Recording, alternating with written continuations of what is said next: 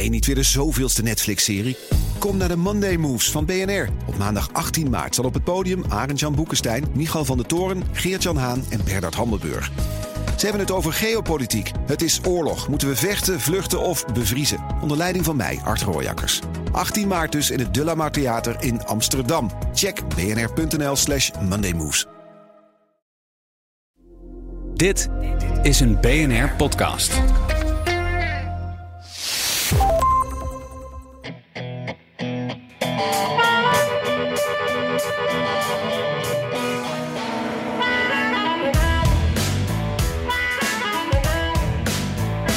Donald Trump krijgt de vraag of hij zich als een dictator zou gedragen als hij weer president zou worden. Zijn antwoord was geen direct nee. Maar wat was het wel? He says, You're not going to be a dictator, are you? I said, No, no, no, other than day one.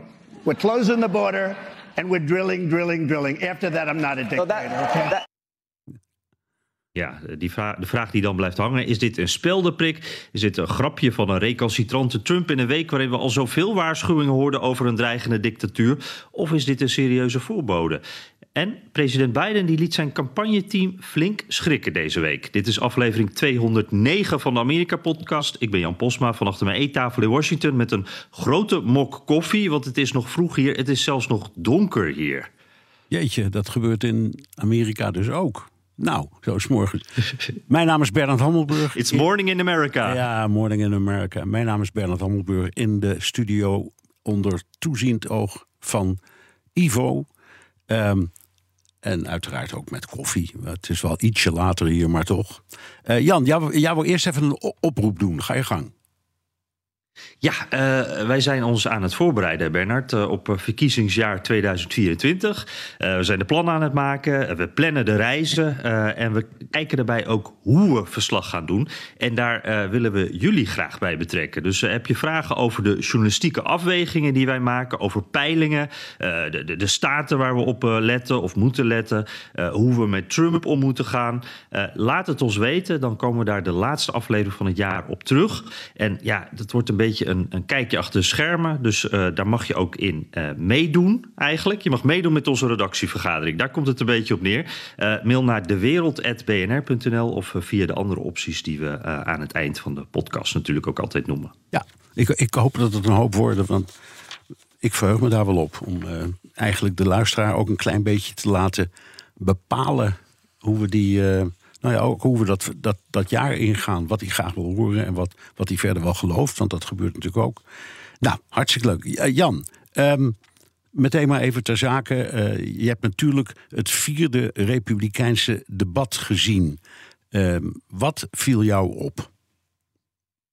Ja, um, het was een heel ander debat dan uh, de hm. vorige debatten in de zin dat er maar vier man op het podium stonden. Uh, dus dat maakt het wel wat overzichtelijker. Uh, Chris Christie, Nikki Haley, Ron DeSantis, Ramaswamy, die stond er als vierde bij.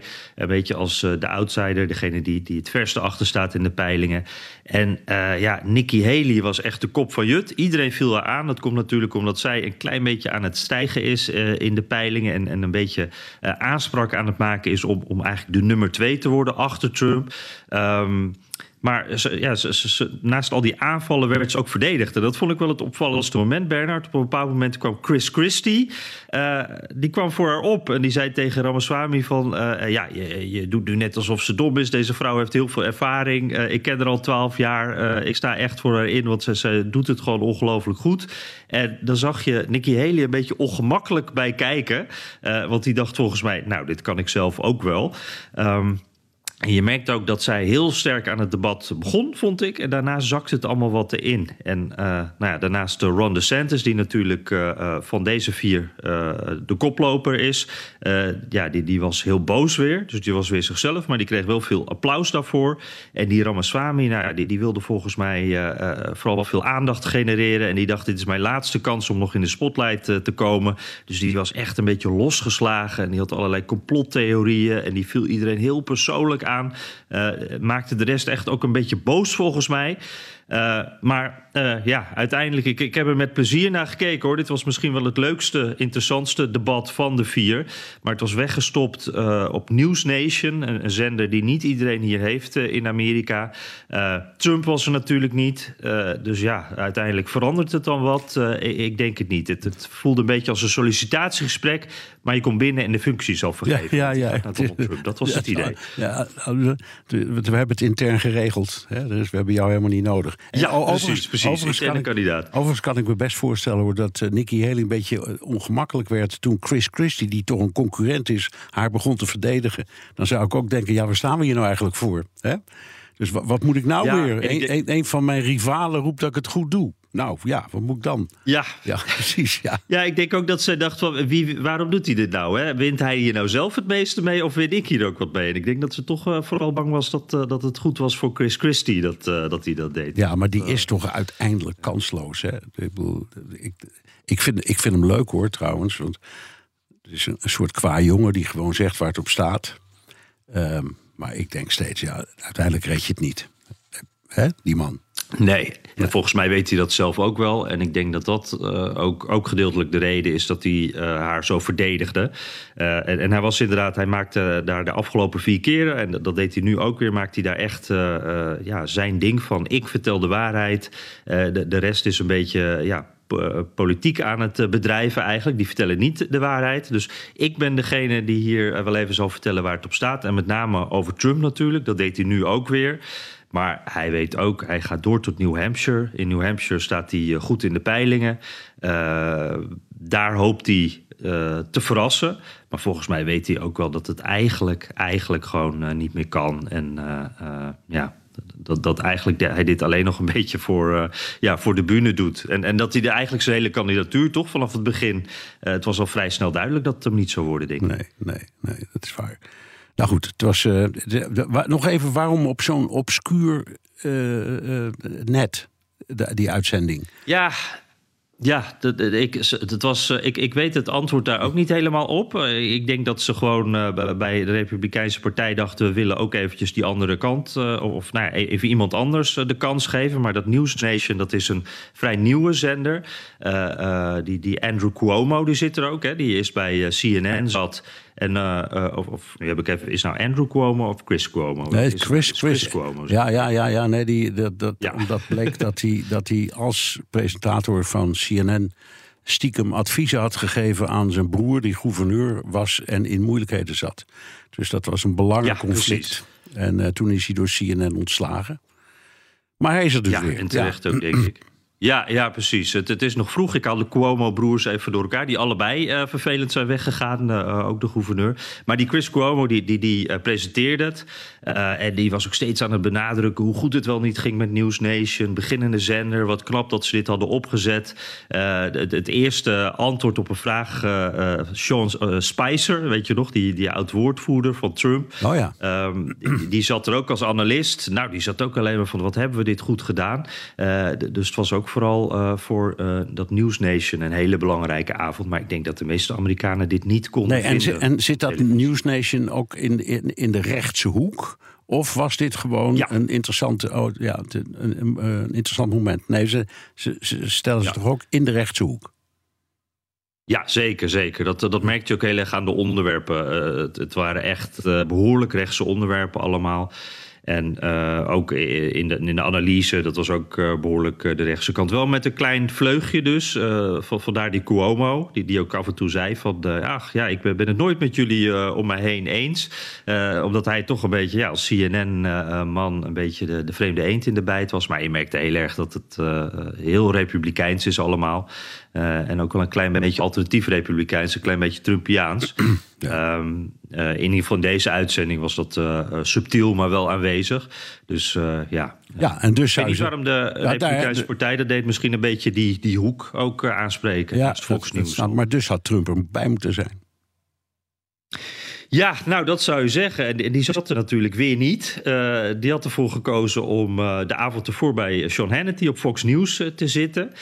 waar vast ook, ik heb de kijkcijfers van beide nog niet gezien, maar vast meer mensen naar gekeken hebben.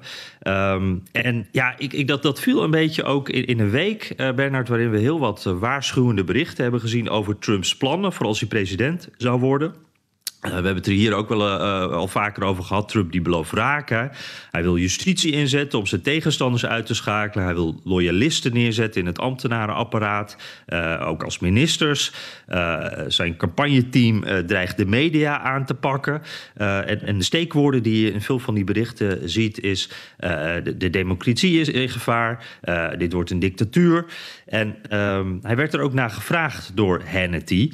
meerdere keren zelfs. En, en nou, nou, we hoorden aan het begin even de korte versie, hier de langere versie, wanneer hij uh, het dichtste bij een antwoord komt. You are promising America tonight. You would never abuse power as retribution against anybody. Except for day one. Except Look, for? He's going crazy. Except for day one. Meaning?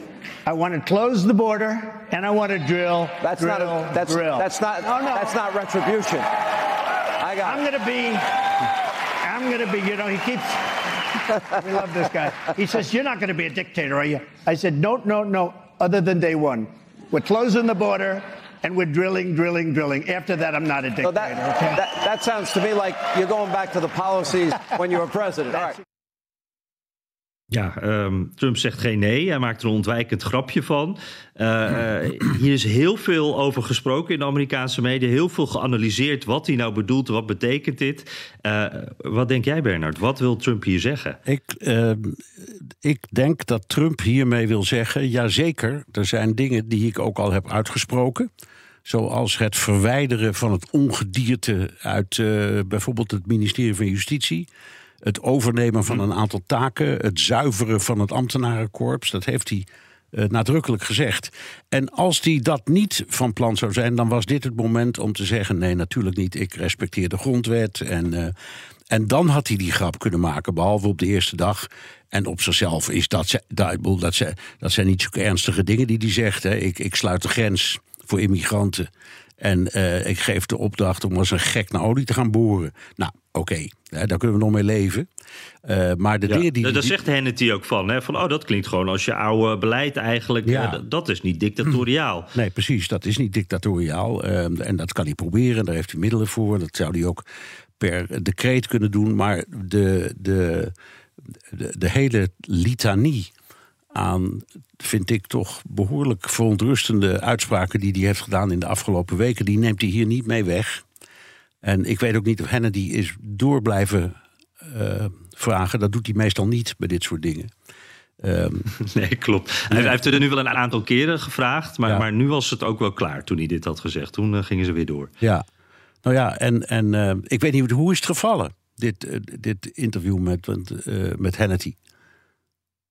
Nou, ik, ik zag um, sowieso bij, bij uh, CNN bijvoorbeeld, om daar maar even mee te beginnen. En, en uh, eigenlijk alle media, alle grote media waarin deze week al werd gewaarschuwd. Van wacht eens eventjes, zet al deze dingen over Trump op een rijtje, al zijn plannen. En waar kom je dan op uit? Dat is gevaarlijk. Uh, bij die media, daar zie je ook allemaal dat hier wel geschrokken op wordt gereageerd. En dat eigenlijk in grote lijnen wordt gezegd wat jij zegt, maar vaak al wat, wat minder nuchter, zeg maar, met wat grotere woorden. Van hé, hey, wacht eens eventjes dit is een bevestiging. Hij maakt er een grapje van, dit is levensgevaarlijk. Uh, en aan de andere kant uh, zie je toch ook wel uh, veel een geluid van bij, bij, zijn supporters en bij Fox News bijvoorbeeld heel lacherig. van, nou ja, hij maakt er een grapje van, hij maakt het belachelijk, maar het is wel een sterke leider en dat willen we. Eigenlijk een beetje dat gevoel, dat zie je ook. En um, nou, ik vond het een interessante tegenstelling. En ik heb zelf het gevoel, uh, ja, je hoort er wel eens, uh, in elk geintje zit een pijntje. Uh, in dit geval ook, het is een grapje, een Trumpiaans grapje. Want hij maakt het hier weer een beetje onduidelijk mee. Hij geeft eigenlijk een heel onduidelijk antwoord van... nee, ik ben geen dictator, behalve op de eerste dag. En dan noemt hij dingen die niet dictatoriaal zijn. Ja, wat ben je nou eigenlijk aan het zeggen dan? dus dat vond ik erg Trumpiaans. En je zag in die reacties dus ook ja, een hele Trumpiaanse tweedeling... Um, Uh, bijvoorbeeld als je kijkt bij de Republikeinen. Heel veel Republikeinen houden zich natuurlijk stil. Uh, er waren twee Trump-critici die zich wel duidelijk uitspraken. Uh, er waren wel meer hoor, maar ik haal er even twee uit. En die laten echt die twee verschillende kanten zien. Um, Laten we eerst maar eens luisteren naar een republikein, een anti-Trump-republikein, die het een beetje weglacht, Mitt Romney. You know, it's funny. I, I, Donald Trump says so many absurd things that uh, I don't even know how you respond to them. So I, I sort of uh, uh, laugh and think he's trying to entertain his base. Uh, it's a dangerous course to go down, of course, but that's what he does on a regular basis. And I sort of uh, uh, laugh at what he's saying. So the other day he was saying we're going to get rid of Obamacare. It's like, really? What have you got? You said that when you were president. Did you ever introduce a plan to replace Obamacare? No. So at some point, you, you realize you don't have to take him literally, and you don't have to take, take him seriously either. Ja, ik, ik vind het wel lastig, Bernard. Want als ik hem zo hoor, denk ik van, nou ja, dit is ook wel een nuchtere kijk. En ik denk ook, er, iets in mij zegt ook altijd van, nou ja, zo'n vaart zal het dan niet lopen. Hè. We hebben dat systeem van checks en balances in Amerika. En heel vaak roept uh, Trump dingen. Heel veel daarvan maakt hij ook echt niet, uh, niet waar. Probeert hij niet eens. Het zijn ook maar wat uitspraken. Maar toch tegelijkertijd denk ik ook van, het is ook wel een beetje makkelijk wat Mitt Romney hier doet. Hoe, hoe kijk jij dat tegen? Nou ja, tuurlijk. Maar Mitt Romney neemt afscheid. Uh, en uh, die, die gaat weg uit de Senaat en dat doet hij niet voor niks. Uh, dat doet hij omdat, denk ik, hij het gevoel heeft dat zijn zeggen, trend van denken uit de Republikeinse Partij het onderspit heeft gedolven. Um, en hij wil aan de andere kant de partij niet afvallen. Dat begrijp ik ook wel, want hij is zijn hele politieke leven een overtuigd republikein geweest. Hij is presidentskandidaat geweest. Uh, het is iemand met uh, in het algemeen een buitengewoon uh, goede naam. hij heeft in de, tegenover Trump heeft hij zo ook duidelijk altijd opgesteld, hè, meegedaan aan de impeachments en um, nou ja, kritisch geweest. Maar zo bij zijn afscheid dan denk ik dat hij denkt, laat ik nou niet al te kwade woorden zeggen, want daar maak ik het alleen maar erger mee. Dus die, die, die, hm. het was wat je noemt, het is een beetje een politiek, politieke uh, statement wat hij daar gaf. Ja, dit, dit, is eigenlijk voor Romney al heel uitgesproken. Hè? Want die is altijd heel uh, diplomatiek en voorzichtig ja. in, in hoe hij zich uit. Ja. Ik, ik, ik dacht daarbij ook wel, uh, als, uh, want wat jij zegt inderdaad, zijn geluid van Romney, het Trump-kritische, daar zijn natuurlijk heel veel mensen van weggegaan in het Amerikaanse congres. Hij gaat ook weg. Eigenlijk is, is dat. Um, is dat geluid is bijna helemaal weg daar, denk ik. En, en als we het dan hebben over die checks en balances in, in het Amerikaanse systeem. Het Amerikaanse congres is daar één van. Uh, wat de president in bedwang kan houden. Maar dat Amerikaanse congres is ook echt wel minder sterk geworden, denk ik, de afgelopen jaren. Trump heeft ervoor gezorgd dat heel veel mensen daar ja, het op hebben gegeven, eigenlijk. Hè? Ja, het is zeker zo. En als je ook ziet naar de, de, de dreigende uittocht nu bij uh, volgend jaar, hè, want uh, moeten we toch altijd even aan herinneren. Ook, ook gelet op die oproep die jij deed aan de luisteraars om mee te denken over wat we doen. Bij de, uh, er wordt niet alleen een president gekozen, maar ook een congres. En ook nog een heleboel andere verkiezingen. Maar ook een huis van afgevaardigden, alle 435 leden en een derde van de Senaat, dus 33 senatoren. En je ziet een, hele serie die eruit is gezet of niet meer mee wil doen of um, zijn biezen pakt of uh, nou ja, uh, duidelijk met een, een soort van teleurstelling en soms ook afkeer zegt: dit is mooi geweest, ik wil hier eigenlijk niks meer mee te maken hebben. Dat gevoel krijg ik enorm en dat heeft hier ook mee te maken. Mm-hmm. Ja, de, deze week ook Kevin McCarthy bijvoorbeeld. Uh, nou zeg. Speaker ja. of the House. Ja. Ja, die gaat ook met pensioen, hè? Ja, en die is nog hartstikke jong trouwens. Maar goed, die, ja, inderdaad, die, die is... die wilde ze zijn hele leven, zal ik maar zeggen, speaker worden. Die werd het. Die werd vervolgens afgezet. En nou denkt hij, zoek het maar uit, Republikeinen. Ik, ik, ik, ik ga iets anders doen.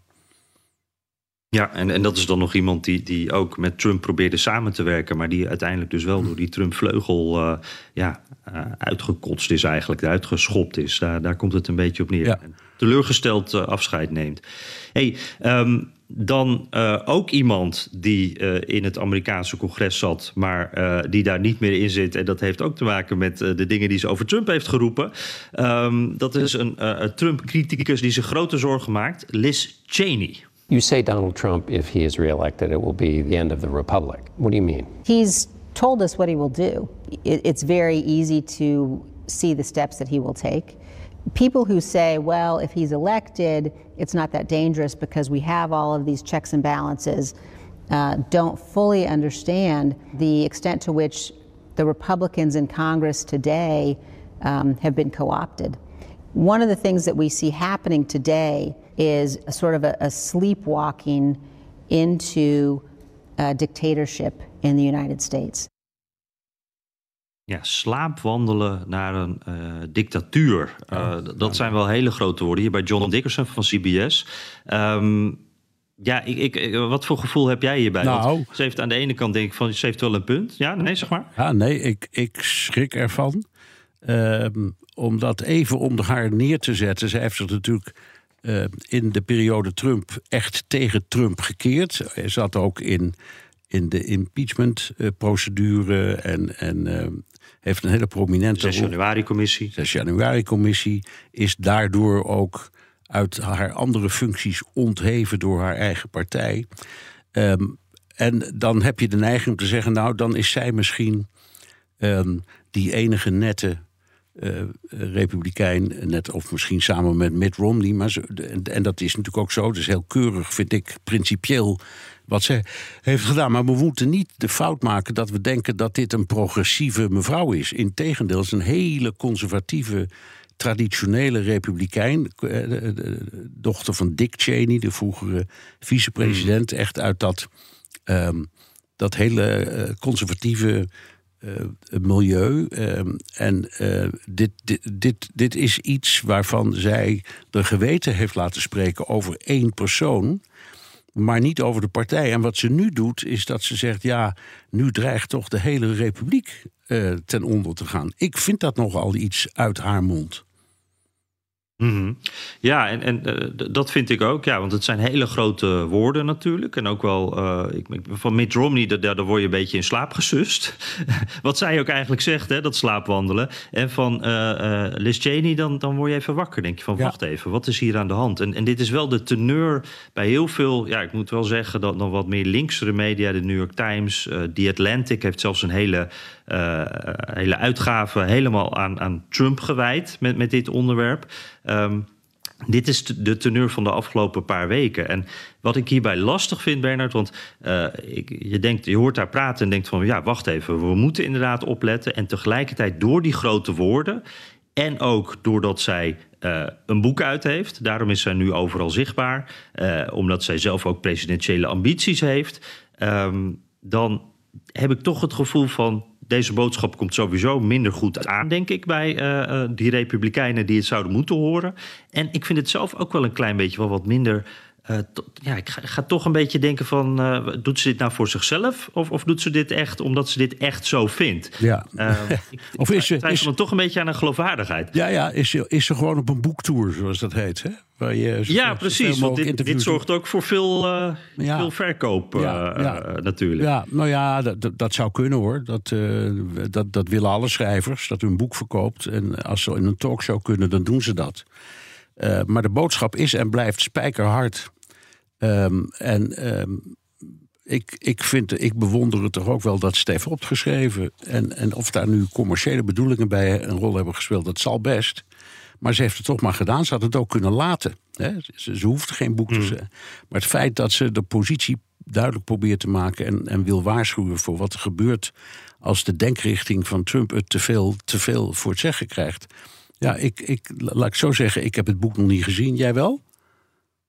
Nee, nee, nee, nee maar ik, ik, ik, ik maar ga ik heb er wel heel veel erover horen praten. Ja, en zat overal. Het, en ik ga het zeker lezen. Ik ben echt reuze benieuwd hoor, om het uh, uit haar pen uh, te lezen. En uh, Ik, ik ben ook benieuwd wat er met uh, ja, wat er, wat er met er gebeurt. Of ze nog eens terugkeert. Hoe, wat weet je daarover?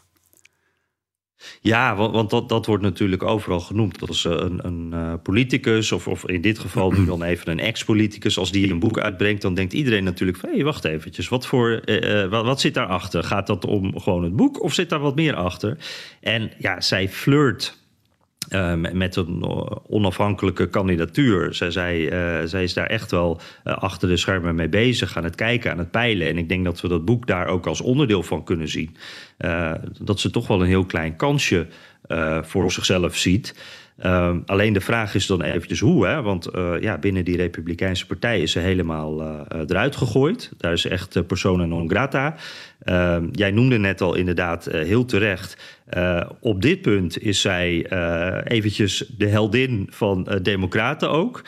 dat was ook met die 6 januari-commissie. Daar werd ze in de armen gesloten. En, en nou, daar waren ze heel blij met haar. hoe ze hier tegenaan kijkt en hoe ze tegen Trump inging. Maar als het gaat over abortus, als het gaat om uh, overheidsuitgaven, eigenlijk elk ander punt wat je kan verzinnen.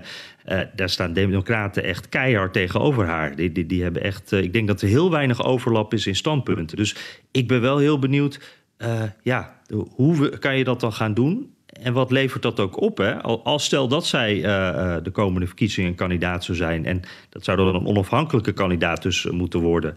Uh, je hebt dat, die No Labels organisatie. Die, die zegt van wij gaan als een soort. Ja, we gaan als een derde partij. Uh, niet van een specifieke democratische of republikeinse kleur. willen wij aan die verkiezingen meedoen. Die zijn de hele infrastructuur daarvoor aan het opzetten.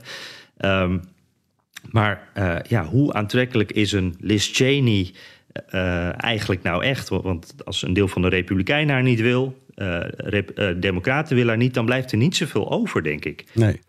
Ik heb de indruk dat als ze dat doet, dat ze dan uiteindelijk meer stemmen weghaalt bij de Republikeinen, maar niet, zoals jij zegt, alleen, ook bij de Democraten. Dus ehm, het, ze wordt een soort spoiler als onafhankelijk kandidaat. Al, al haalt ze maar, weet ik veel, 1 of anderhalf procent, wat dan wel eens wil gebeuren. Maar het kan invloed hebben op de positie van de twee hoofdrolspelers. Ja, en, en dan ben je eigenlijk weer terug bij, bij wat zij zegt dat haar hoofddoel is, namelijk uh, Donald Trump uit het Oval Office halen. Dus op dat punt zou het voor haar genoeg zijn, ook, ook als het maar een paar procent oplevert. Ja. Want dat is, dan, dat is dan het echte doel. Ja, ja. Ja. Hey, en uh, um, even naar Trump zelf. Uh, hij krijgt dus van, van allerlei kanten uh, krijgt hij kritiek. er zijn allerlei verhalen waarin zijn democratische waarden in twijfel worden getrokken. heeft hij zelf veroorzaakt ook met wat hij zegt. Maar Trump die draait het zelf helemaal om. Hij zegt Joe Biden, die is juist een gevaar voor de democratie. Kijk maar, ik word vervolgd door Joe Biden. Ik ben zijn tegenstander. Ik word koud gesteld door de president. Um, denk je dat dat een uh, boodschap is die aankomt bij kiezers? Want uh, Trump die doet dit altijd. Hè? Als hij uh, zelf ergens van beschuldigd wordt, dan zegt hij gewoon: nee, de ander doet dat. Het is ook een beetje een bekend recept. Ja, maar dat is waar. Maar hij heeft ook wel een heel herkenbaar frame opgebouwd. Namelijk eigenlijk vanaf de, de, ik zal maar zeggen, de ruzie over de verkiezingsuitslag. Um, Biden is een gevaarlijke socialist of een communist. En um, de hele overheid, vooral het ministerie van Justitie en de FBI en dat soort organisaties, die heeft hij helemaal volgestopt met soortgenoten. Dus ik vecht voor de vrijheid van dit land tegen een, een, een soort linksdictatuur die er al is. Dat is wat het beeld dat hij oproept. En, en dan hangt er vanaf aan wie je het vraagt of mensen dat geloven. Onder zijn aanhang is dit een overtuiging. Het is niet zo dat ze denken, nou dat hmm. zal best eens kunnen. Mijn indruk is dat die harde kern om hem heen ervan overtuigd is dat hij daar gelijk in heeft. Alleen, de vraag is natuurlijk, de, de, het totale electoraat bestaat uit meer dan alleen maar de volgelingen van Trump. En ik heb nog steeds niet zo'n goed idee hoe het zit met um, de zwevende kiezer. Um, jij hebt uh, vorige keer uitgelegd dat het uh, in de swing states uh, er voor Biden niet zo goed uitziet. Dat Trump daar een beetje voor ligt. Maar ja, dat is op dat moment. En we weten over de zwevende kiezer eigenlijk weinig. Um, maar dat, nogmaals, dat in zijn eigen kring dit gevaar, ge, ge, uh, deze voorstelling van zaken uh, volstrekt wordt geloofd, daar ben ik zeker van. Ja, denk dat je helemaal gelijk hebt. Dat, dat, zaadje is al heel lang geleden geplant. En, en dit beeld, dat, past daar compleet in. Dus ja, dat, dat, dat, dat valt in uh, vruchtbare aarde. Hey, tenslotte over dit onderwerp, Bernard. Het is dus de afgelopen week... Ik, het valt mij echt op dat er op veel plekken... zelfs op Fox News hierover gesproken wordt... De, de, toekomst van de democratie. Staat die onder druk? Op wat voor manier? Wat zou een Trump-presidentschap betekenen met, met alle dingen die hij gezegd heeft? Um, heb jij het gevoel. Ik, ik, ik, ik heb er zelf een beetje een gek gevoel bij. Want aan de ene kant denk ik goed dat dit besproken wordt. Uh, Trump die noemt die dingen. Uh, dit moet je dus ook. Dit, dit, moet je onder de aandacht brengen. Hier moet je het over hebben. Want dit is gewoon een serieuze kandidaat die dit zegt. Dit kan gewoon echt gebeuren. Maar tegelijkertijd merk ik ook dat heel veel mensen hun schouders er een beetje bij ophalen. En uh, er ook niet zoveel mee kunnen. Ook omdat het van die grote termen zijn. Hè? De democratie. Ja, wat betekent dat dan? Als dat, je kan het je niet voorstellen. Denk jij uh, dat dit wat uitmaakt dat dit besproken wordt? Jawel, dat denk ik wel. Um, als de belangrijkste kandidaat voor de nominatie in de Republikeinse Partij dit soort vergezichten schetst met in feite uh, toch een, een, soort van autocratie, om het zo maar te noemen. Ik vind geen dictatuur, maar uh, de zeggenschap over het uh, normaal onafhankelijke ministerie van Justitie. Ja, dat vind ik wat. Dat kun je niet onbesproken la laten. Um, en, en dus moet je het op de, gewoon journalistiek, politiek, maatschappelijk op de agenda zetten en houden. Ik vind het wel belangrijk. Nou, we gaan zien uh, hoe de Amerikanen daarmee uh, mee omgaan uh, de komende tijd.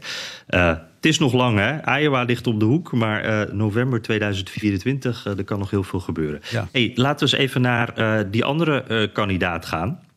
Uh, Joe Biden uh, die had een uh, besloten bijeenkomst voor zijn donoren, zijn donors, zijn geldschieters. En daar deed hij heel wat stof opwaaien deze week door ja, een uitspraak over zichzelf te doen. hij haalde er alle nieuwsprogramma's mee. President Biden suggested he might not have run for re-election if former President Trump weren't in the race. Mr. Biden spoke this afternoon outside of Boston. He told a crowd at a campaign fundraiser, quote, if Trump wasn't running, I'm not sure I'd be running. We cannot let him win. Dit was op uh, NBC News. En uh, ja, dat roept een paar vragen op. Um, die ook echt uitgebreid werden gesteld overal. Uh, hoe zit het met Bidens motivatie bijvoorbeeld? Want dit klinkt niet echt enthousiast. Uh, maar aan de andere kant dacht ik ook, ja, hij heeft dit ook al vaker als reden gegeven. Toch? Biden heeft heel vaak al gezegd van ja, de reden dat ik uh, uit mijn pensioen ben teruggekomen eigenlijk was Donald Trump. Daarom ben ik uh, weer, weer, kandidaat geworden ooit. Ja, um, ja, ja maar, dus wat voor gevoel heb jij nou, hierbij? Is dit een storm in een glas water of snap je dit wel? Nee, nee ik, dat is geen storm. Ik, ik snap nee? het best. Omdat toen was dat een heel goed argument. Toen hij begon aan zijn vorige campagne... heeft hij een prachtig verhaal gehouden over de ergernis die hij had... na een rassenrel waarbij uh, Trump het standpunt innam dat van weerskanten fouten waren gemaakt. En dat vond hij. Daarmee, hè? Uh, ja, en daarmee ging uh, Trump over de scheef. En Biden zei toen: er moet iemand in het veld stappen om dit te, te weerspreken, te weerleggen. En dat ben ik. Nu ligt het heel anders. Um, als ik Biden nu was, dan zou ik te doen wat hij, wat hij bijna niet doet. Namelijk veel meer op de trom roffelen over zijn eigen prestaties. Want die zijn er wel degelijk. En het enige wat je nu hoort is in feite een soort van zich afzetten tegen uh, de tegenpartij. Maar waar is het uh, krachtige, positieve verhaal? Wat je daar zelf ook van vindt. Hè? En luisteraars en lezers die zullen daar verschillend over denken.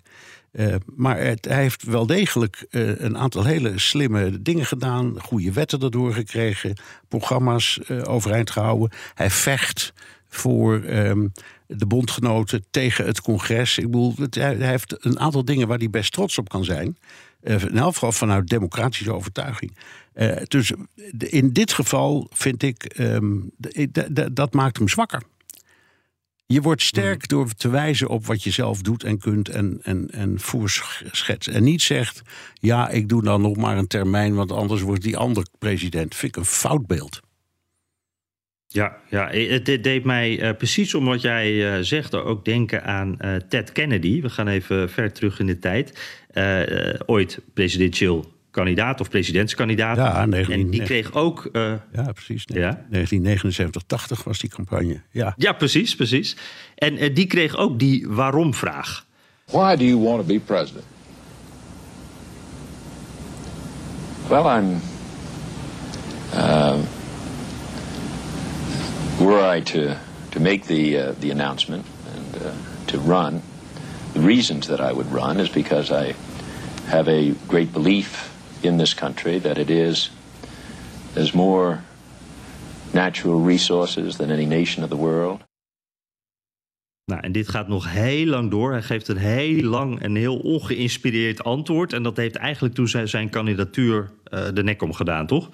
Ja, nou, hij is niet ver. Nou ja, hij heeft wel heel veel aandacht gekregen. En hij heeft ook, ook de, de, de conventie gehaald. Dus daar had hij voldoende uh, gedelegeerden voor.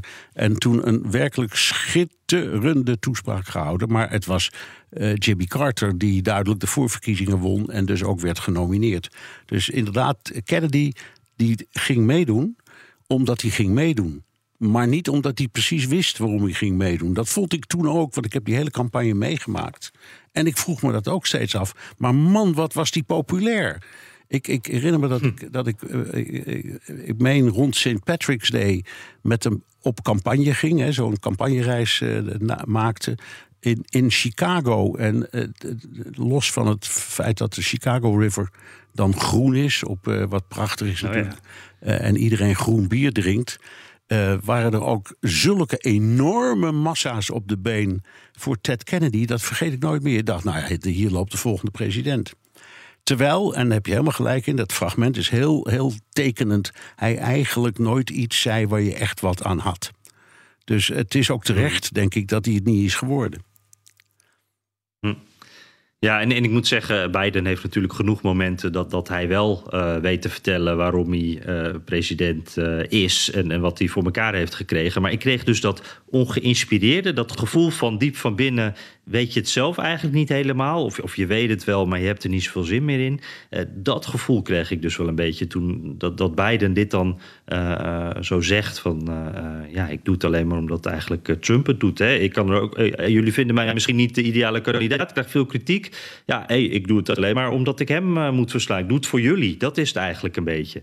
En um, wat me ook opviel, het ging er natuurlijk dus veel over. Uh, want dat, dat nodig je dan uit. Hè. Dan wordt er heel veel aandacht uh, aangegeven.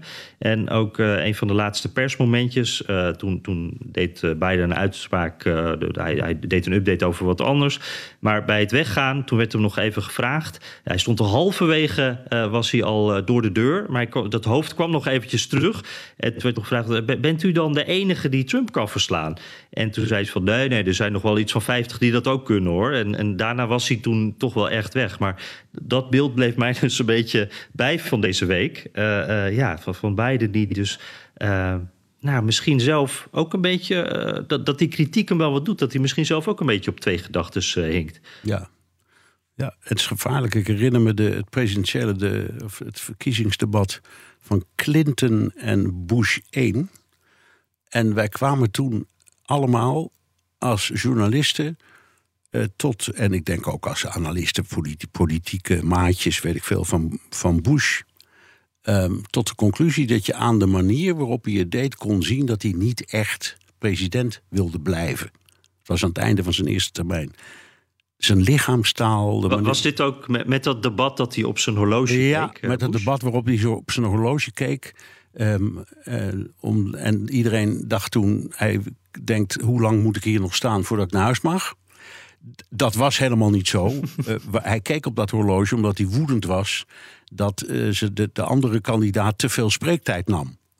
Dus, uh, mm. dus, maar, maar het gebaar, het was ook zo duidelijk hoe hij de, de, de, schoof de mouw van zijn horloge omhoog en keek heel duidelijk met zijn neus tegen het horloge aan, zo ongeveer. En toen, toen, riep, toen riepen alle kijkers: die man wil helemaal niet meer. Je hebt aardig wat vermogen opgebouwd. En daar zit je dan, met je ton op de bank. Wel een beetje saai, hè? Wil jij, als belegger, onderdeel zijn van het verleden of van de toekomst? Bridgefund is een slimme fintech die een brug slaat tussen de financiële behoeften van ondernemers en van beleggers. Dus wie belegt bij Bridgefund krijgt niet alleen een mooie vaste rente, maar brengt ook ondernemers in beweging. Echt waar, met die ton kan je zoveel betere dingen doen. Bridgefund. Make money smile. Ja. ja, ja. Zo zien we weer. Dat kan al een eigen leven gaan leiden. Jan, zullen we naar de luisteraars vragen? Ja. ja. Die, zijn, die zijn welkom via de mail of via de Amerika Podcast WhatsApp. Daar kun je je vraag of opmerking ook inspreken. Het nummer is 06 28 13 50 20. Ja, en uh, daar mogen dus ook die vragen heen. Uh, ik denk dat uh, daar de mail wel het handigste is, maar stuur ze gewoon hoe je wil. die vragen over hoe wij de pardon, de komende verkiezingen aan moeten pakken. Uh, waar jullie vragen over hebben, over peilingen, over hoe we met Trump om moeten gaan. Hoe we, uh, nou, al die dingen, die kunnen daar ook naartoe natuurlijk. Naast je uh, gewone vragen, want daar gaan we ook gewoon mee door. En ik wou ook even beginnen nog met iedereen bedanken die zijn Spotify-lijstje met ons heeft gedeeld. Het was echt heel leuk om te zien, hè, Bernard, dat er zoveel geluisterd wordt. Ja. Um, ook hoeveel trouwe luisteraars we hebben. Uh, en uh, ook, nou, doe er ook meteen maar even een oproepje bij. Want als we er toch uh, bezig zijn, laat ook eventjes een beoordeling achter in Spotify. Geef ons, ik geloof dat het vijf sterren zijn die je kan geven. Alsjeblieft, geef die ook. Dat helpt ons dan ook weer om beter vindbaar te worden. Ja, ja. en ik, ik was zeer onder de indruk, omdat al die luisteraars die hadden keurig netjes een afdruk gemaakt van hun Spotify-lijstje en dat aan jou en mij toegestuurd. Uh, om te laten zien op welk, op welk punt we stonden en, en, en, hoe ver op hun eigen lijstjes. Ik vond, het had iets ontroerends hoor. Ik vond het echt leuk. Was heel trots op ons, ja. Jan, zal ik maar zeggen. Ja, vind ik ook. Uh, ja. dan af en en dan zie je die berichten. Ah, zoveel minuten geluisterd. Uh, er kwam ook veel via social media. Dus nee, daar zijn we echt. we zijn trots op onze luisteraars. Dat, dat kan je wel zeggen, ja. dus dank daarvoor allemaal. Hey, uh, over luisteraars gesproken. Uh, laten we beginnen met een vraag van Devon Spierburg. Hoe kunnen we de parallellen trekken tussen uh, aan de ene kant de opkomst en neergang van het Romeinse Rijk, dat een onderging aan decadentie, en aan de andere kant de hedendaagse situatie in Amerika? Zijn er volgens jullie specifieke aspecten van decadentie en overdaad die vergelijkbaar zijn? En kunnen we ja, daaruit inzicht krijgen voor het mogelijke lot van Amerika? Zo hé, Jan. Dat is niet ja. makkelijk. Ja, dat moeten we even trouwens. Dat is nog eens een vraag. Nou ja, en het Romeinse Rijk is er één. Het Griekse Rijk is er ook één. Dan heb je nog het Byzantijnse Rijk... dat echt uh, door zijn eigen decadentie door de knie is gegaan. Ik, ik vind... Um, er zijn wel parallellen en je kunt zeggen... Amerika, een, een deel van Amerika is wel zo ongelooflijk verwend... dat komt nergens voor... Um, en dat leidt tot een zekere mate van decadentie. Maar het belangrijkste verschil is dat het Griekse en het Romeinse Rijk, dat waren allebei. Um, uh, net, net, net als later het Ottomaanse Rijk, dat waren uh, uh, nou ja, landen die de halve wereld hadden veroverd. Dus, dus een heel groot deel van de wereld was bezet door de Romeinen. En dat heeft ze uiteindelijk ook de kop gekost. Want in al die landen ontwikkelden zich natuurlijk verzetsbewegingen, onafhankelijkheidsbewegingen, maar ook gewoon handel en, en, en, uh, en, en cultuur. Waar, uh, waar de Romeinen, om, gewoon ook door gebrek aan communicatie en tijd en snelheid, uh, niet meer helemaal de, de hand achter kregen. en, en, en bijvoorbeeld het feit dat de Romeinen zelfs, zelfs Engeland hebben bezet. Nou, dat was ver weg. Hm. En dat doet Amerika natuurlijk niet. Amerika heeft in zijn hele bestaan één kolonie gehad, dat was de Filipijnen, en verder nooit. Dus ik, ik denk dat, dat die, die, die Romeinen en de Grieken het hebben afgelegd door hun machtswellust en hun grootheidswaan. En daar, daar, daar, daar lijden de Amerikanen niet onder. Die hoeven niet de rest van de wereld te bezitten. Nee, ja, grootheidswaan, daar zou je wel wat over kunnen zeggen. Het uh, idee van uh, exceptionalisme en uh, oh, ja, wij zijn beter dan de wereld, dat, ja, dat zit er wel in natuurlijk. Ja, maar, better, better than thou, ja, dat hebben ze wel heel erg. Daar heb je ja. en, en, wat ik ook, ik, weet heel weinig van het Romeinse Rijk hoor. Uh, dat is echt uh, geschiedenisles uh, lang geleden. ik weet dat mensen daar heel intensief mee bezig zijn, maar ik niet zo. Ik, ik, heb wel dat gevoel ook van het veel met jezelf bezig zijn. Uh, en en nou, er wordt dan over dat Romeinse Rijk ook wel gezegd: hè, slechte keizers die, die niet de prioriteiten op orde hadden. Uh, dat gevoel heb ik uh, bij het moderne Amerika ook wel eens. Van die zijn zoveel bezig met intern ruzie maken met elkaar. Die hebben eigenlijk niet eens een tegenstander nodig, want die zijn alleen maar zelf het zichzelf zuur aan het maken, Republikeinen en Democraten. Dat gevoel heb ik er ook wel ja, een beetje. Ja, daar zit wat in. Daar zit wat in. Nou, dan hebben we toch een parallel. Oh, nou, mooi. Hey, uh, leuke vraag in ieder geval, uh, Devin. Er was, een paar weken geleden was op social media was zo, zo'n dingetje van... er moesten, werden mensen gevraagd, hoe vaak denk jij aan het Romeinse Rijk? En dan was het antwoord bij heel veel mensen, mannen vooral... dat ze eigenlijk dagelijks wel een paar keer aan het Romeinse Rijk dachten. Ik, ik weet dat eigenlijk nooit. Denk jij vaak aan het Romeinse Rijk, Bernard? Jan, er gaan dagen voorbij dat ik er niet aan denk. nee, dat kan ik me voorstellen. Oké, nou is dat ook duidelijk. Het enige, ik bedoel, ik bedoel er, komt nu, er komt nu uh, de kersttijd aan. En dan, dan, dan, dan heb je natuurlijk weer een, een tijdje lang. Dan heb je verhalen over Jezus Christus en, en over de, de eerste christenen. Uh, en, en, en de Romeinen die. Uh, uh, Jeruzalem veroverden en, en de uittocht die daarop volgde. Dus op in deze periode komt dat Romeinse Rijk inderdaad nog wel eens voor in gesprekken. Maar voor de rest, ik, ik hoor er echt nooit over hoor. Ja, ja. Oh, dat is een goed punt. Ja. Die reis naar Bethlehem, dat was natuurlijk. Ja, dat ja. had een reden. Ja, ja. ja dus toch. Hey, uh, Egon de Haas die, uh, had een hele andere vraag. Um, uh, die zegt van, uh, nou ja, we, we, hebben het er steeds over dat Trump uh, de gedoodverfde winnaar is voor de Republikeinse kandidatuur. kandidatuur maar ja, hoe zit het daarna? En hij zegt, ik hoorde een interessante an analyse van een Amerikaanse vriend. die, die vriend die heeft zelfs tijdens Trumps presidentschap nog onder hem gediend. Nou, dat, dat zijn interessante vrienden ja, om te ja, hebben. Ja, en hij, uh, hij zei het volgende, en ik zal het een beetje zo vertalen, want het is in het Engels. Um, uh, Trump kan niet winnen.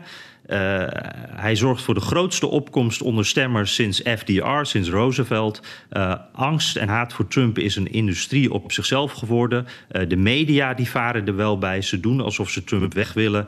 Maar hij is veel te goed voor de kijkcijfers en ook voor de opkomst van democraten. Trump kan niet winnen, maar ze willen wel dat hij de kandidaat wordt. hoe denken jullie hierover?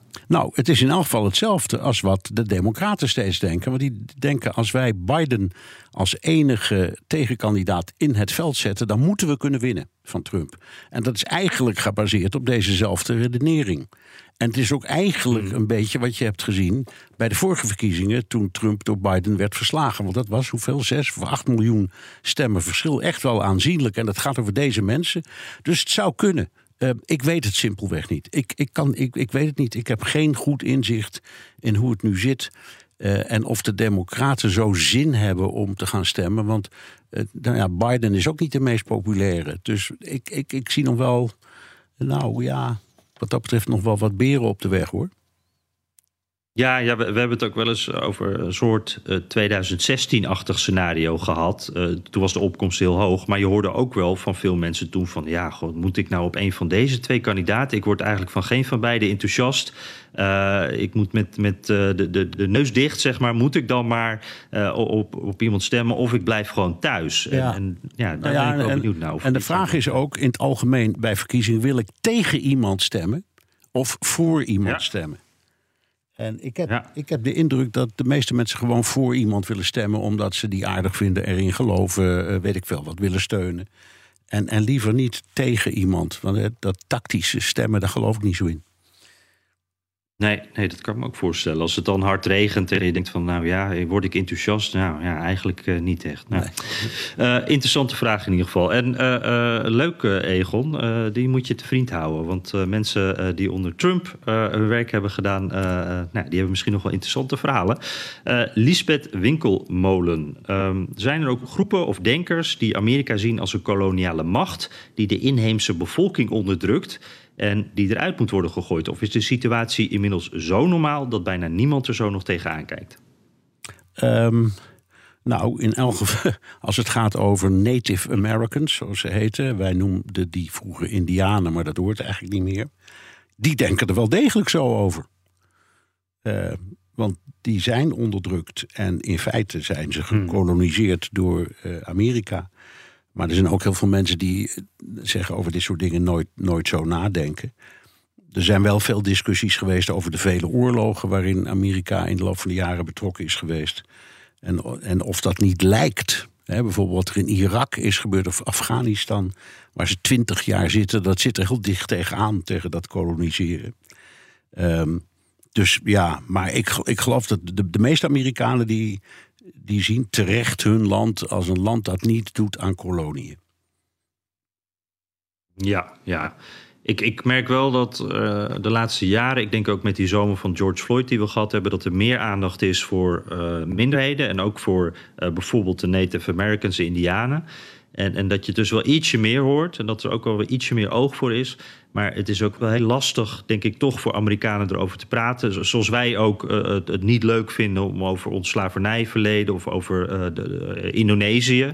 is misschien een beter voorbeeld te, hebben over het koloniale verleden. Het zijn toch moeilijke onderwerpen.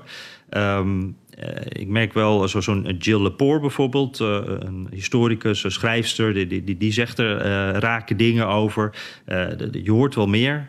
een beetje uit de linkse hoek is het meestal ook wel. Er is wel iets meer oog voor, maar ja, het blijft ook iets waar je als land niet trots op bent. En dan is het makkelijker om een beetje de sprookjesversie te geloven. Dat, dat speelt volgens mij ook mee. Ja.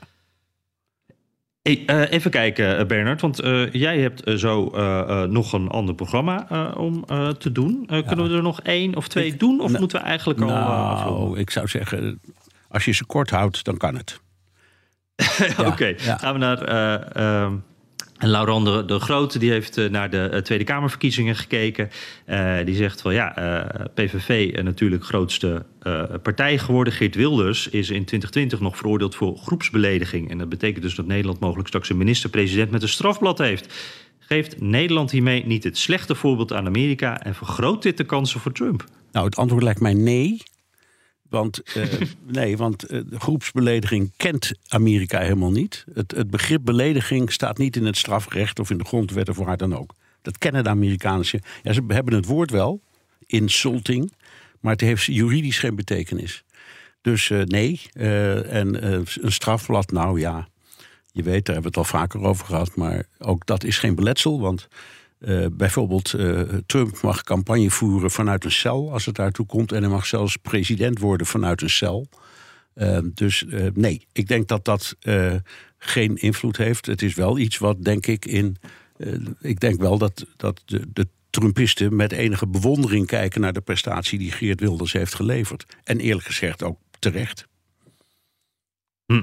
Ja, ja, ja. En, en ja, ik, ik, ik moet zeggen, um, zoveel aandacht is er ook niet voor Nederlandse politiek. Hè. Het is zo'n klein onderwerp, als het al eens een onderwerp is. We hadden het erover hè, toen de, voor een paar keer terug, toen de uitslag er was van ja, het gaat dan wel over de Dutch Trump. Dat is dan Wilders, maar dat is het dan ook. En uh, de rest van het jaar lees je eigenlijk niets uh, over Nederlandse politiek. Dus ja, misschien een hele kleine aanmoediging voor de Trumpisten, maar uh, dat is het dan ook wel. Hè. Ja.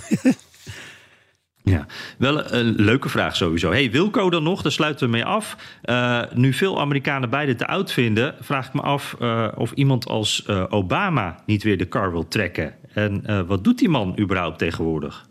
Um, dat weet ik, dat laatste weet ik niet, maar ik weet wel dat hij lezingen geeft. Daar trekt hij de wereld mee rond. En ik geloof dat hij, dat hij daar iets van 50.000 dollar per keer voor krijgt. En soms zelfs meer. Ja. Dus we hoeven wat inkomen betreft geen meelijn met hem te hebben. Um, en, hij heeft uh, ook een productiebedrijfje, hè, waar ja, dingen voor Spotify, ja. voor Netflix, dat soort dingen doet. Ja, en ja. ook wel dingen voor de partij nog. Dus ja, zeker. Dus die, die is goed terechtgekomen, zo gezegd, en maakt wat van het leven. En het antwoord of, of hij de kar weer kan trekken is nee, want hij is twee keer president geweest. En de grondwet zegt, that's it. Meer mag en kan niet.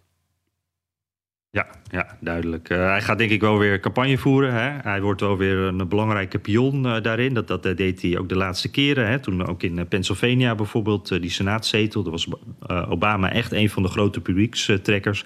Dus dat zal hij ook wel weer gaan doen. Hij komt, wordt vast weer van stal gehaald. Maar de kar trekken, nee, dat, dat gaat hem niet meer worden. Um, zullen we hem daarmee afronden, Bernard? Yes. Terugluisteren kan via de BNR-site, Apple Podcast of Spotify. Heb je vragen, opmerkingen, kritiek of complimenten... dan kan dat ook met een tweet naar Jan Postma USA of BNR De Wereld of heel ouderwets... met een mailtje naar dewereld.bnr.nl. En je kunt ook je vraag inspreken of intikken op de Amerika-podcast WhatsApp 06 28 13 5020. Ja, en zet zoals altijd even je naam en adres erbij. Dan maak je weer kans op die fantastische Amerika-podcast Mok. Ik drink er mijn koffie uit uh, vanochtend. En uh, ja, doe dat ook voor als je dus vragen hebt over hoe wij die verkiezingen gaan aanpakken of uh, moeten aanpakken. Waar we de laatste aflevering van het jaar over gaan hebben. Want de leukste vraag daar krijgt natuurlijk ook zo'n mooie mok. Um, Nou Bernard, dan zou ik zeggen, eh, jij succes met eh, eh, BNR De Wereld. Want dat ga jij zo eh, live op de radio doen. En dan zeg ik tot, eh, tot volgende week. Tot volgende week.